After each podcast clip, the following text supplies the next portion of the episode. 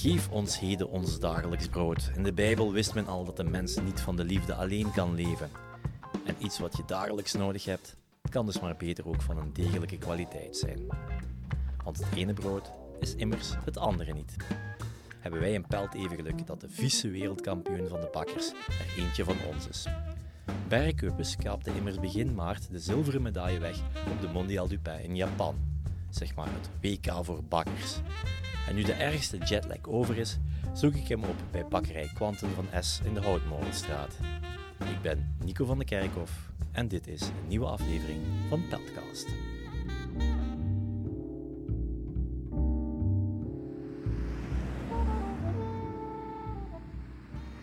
Het is een uh, wat druilerige dinsdag en ik sta voor de deur van bakkerij Quantum van S.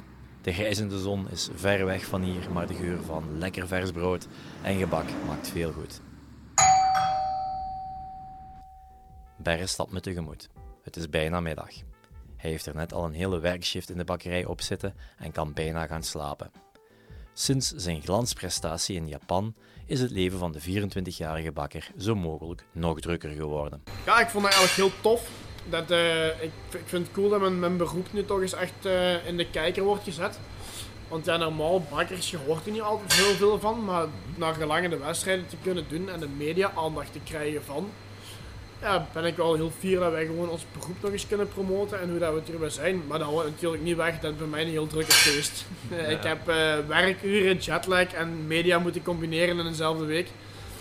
Dus dat was niet, uh, niet altijd evident soms, maar het is wel goed klopt het beeld, het clichébeeld nog dat wij van een bakker hebben. Dus morgens heel vroeg opstaan, heel hard werken, sleuren met van alles. Uh, of, of dat zal toch een beetje... bakkerij tot bakkerij afhangen. De bakkerij waar ik nu werk is wel hard werken, want wij maken 9 van 10 kansen alles zelf.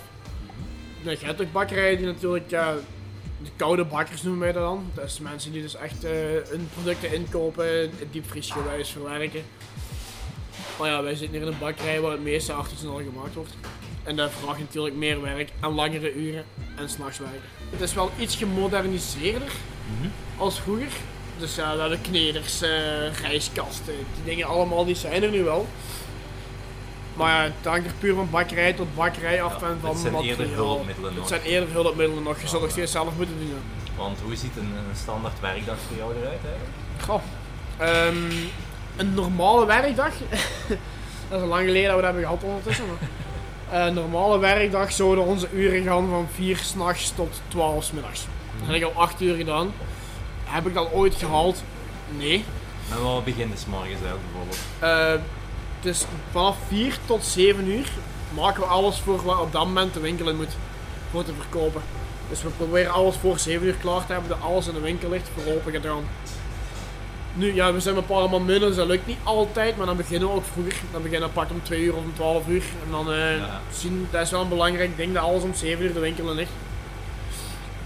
En ja, dan alles wat er na de 7 uur gebeurt, van 7 tot 12 zal ik het zo maar zeggen, dan begin jij uh, uw voorbereidingen te doen.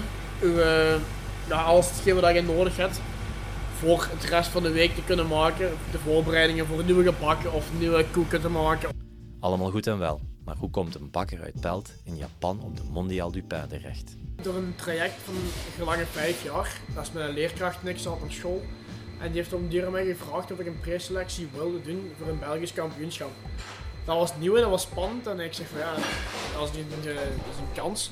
Ik zeg en die kan ik met twee handen pakken. En ja, dus uh, dat gelang de jaren al een paar wedstrijden gewonnen te hebben gehad. Mogen nu dus uh, ja, door eigenlijk naar het, naar het meest haalbare mondial de best of.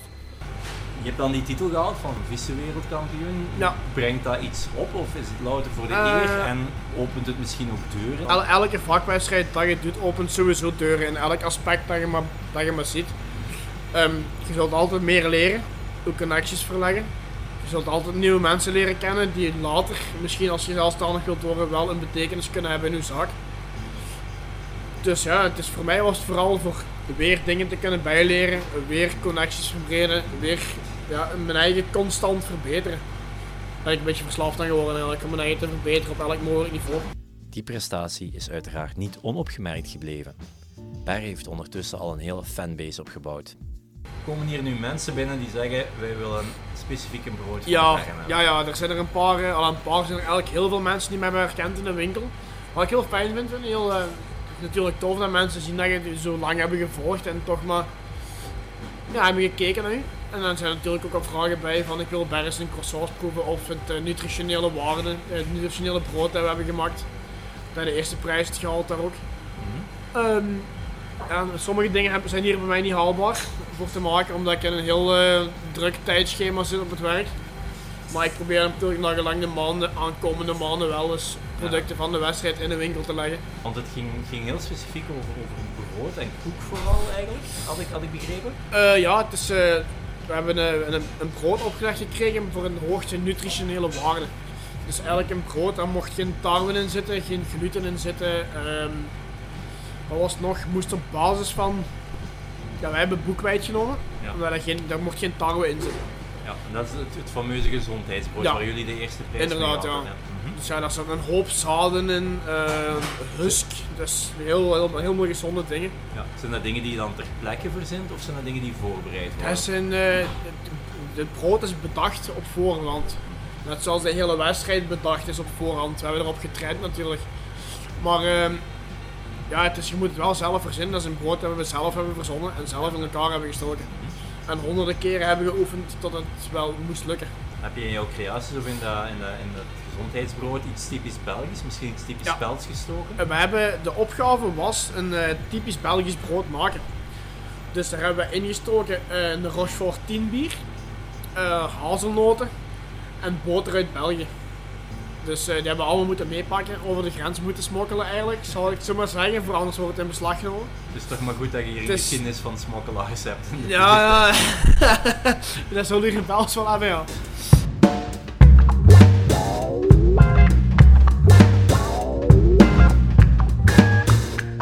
Als je zo heel dag tussen brood staat en tussen gebak, eet je dan zelf nog graag brood? Uh, ik moet wel zeggen, ik eet wel minder.